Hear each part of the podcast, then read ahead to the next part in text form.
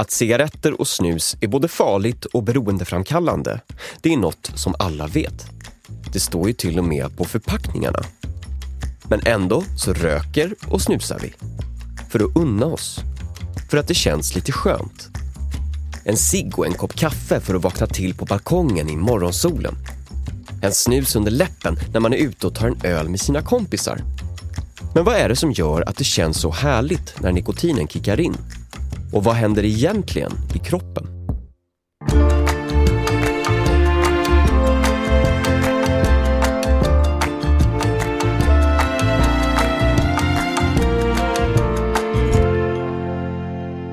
När nikotinet introducerades i Europa på 1500-talet så uppmanades folk att använda det som medicin.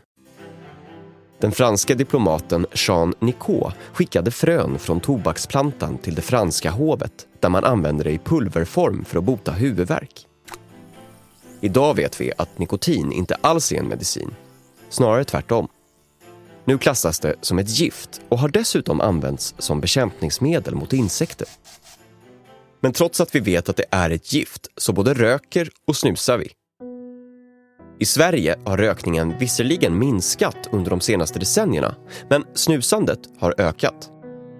Under 2016 och 2017 gjordes en studie i Sverige där 13 procent sa att de snusade varje dag.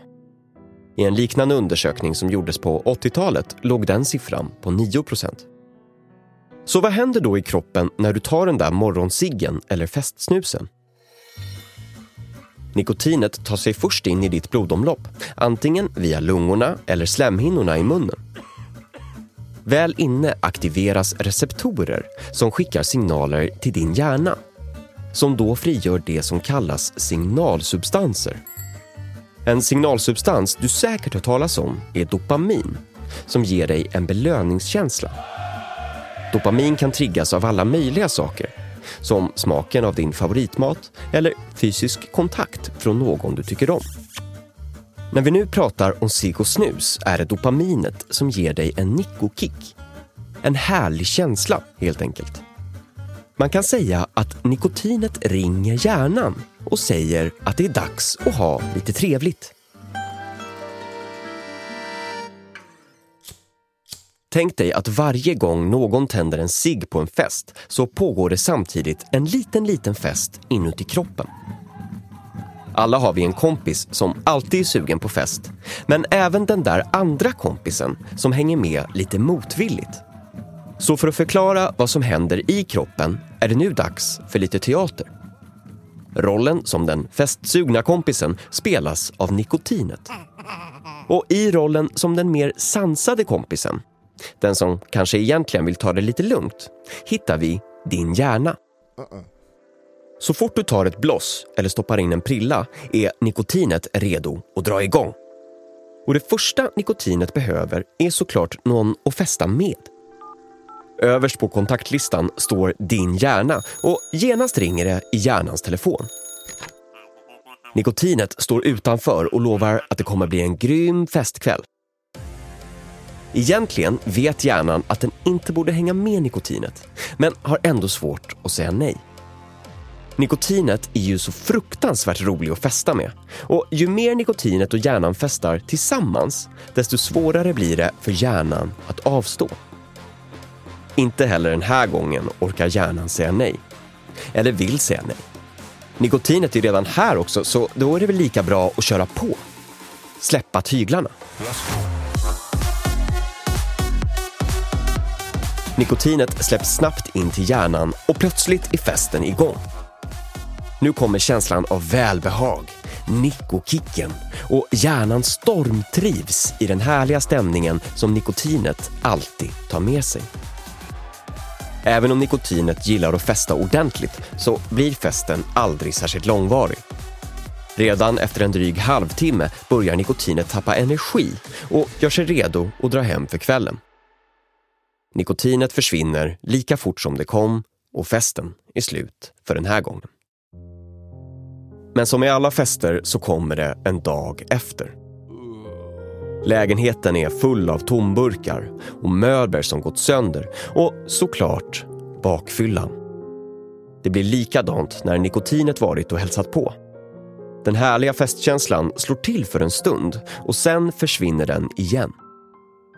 Precis som efter de flesta hemmafesterna så lämnar gästerna, i det här fallet nikotinet, en massa spår efter sig. I vissa fall ett sug efter mer fest, men framför allt en fysisk påverkan på din kropp. Och även om nikotinet är det som drar igång festen och gör det svårt att sluta, så är det andra substanser som orsakar den stora skadan. Man kan jämföra det med att nikotinet drar med sig en massa andra kompisar till festen. Kompisar som hjärnan inte alls tänkt att bjuda in. På samma sätt som att ett par oinbjudna gäster kan sabba din lägenhet så är det nikotinets kompisar som gör den största skadan på kroppen. Röker du en cigg får du till exempel räkna med att nikotinets kompis kära hänger på och skitar ner dina lungor. Snusar du så kommer det cancerframkallande ämnet formaldehyd på köpet. Den där personen som alltid har med sig hembränt och kräks i soffan. När det kommer till rökning är det hjärtat, blodkärlen och lungorna som tar mest stryk. När det gäller snus riskerar man bland annat att få cancer i munhålan, matstrupen och i bukspottkörteln. Tänderna och munnen skadas också av cigg och snus. Till exempel så kryper tandköttet tillbaka och andedräkten blir också sämre. Relationen mellan nikotinet och hjärnan är alltså som en ond cirkel. Strax efter att nikotinet bryts ner och försvinner så börjar receptorerna i hjärnan att fråga var har nikotinet tagit vägen och kan det inte komma tillbaka igen? Ju oftare nikotinet och hjärnan festar tillsammans, desto svårare blir det för hjärnan att låta bli att svara när nikotinet väl ringer. Ett nikotinberoende har dragit igång och hjärnan vill ha mer. Kanske återvänder nikotinet, nu som en ny prilla eller en till sig. Och så börjar hela festen om igen.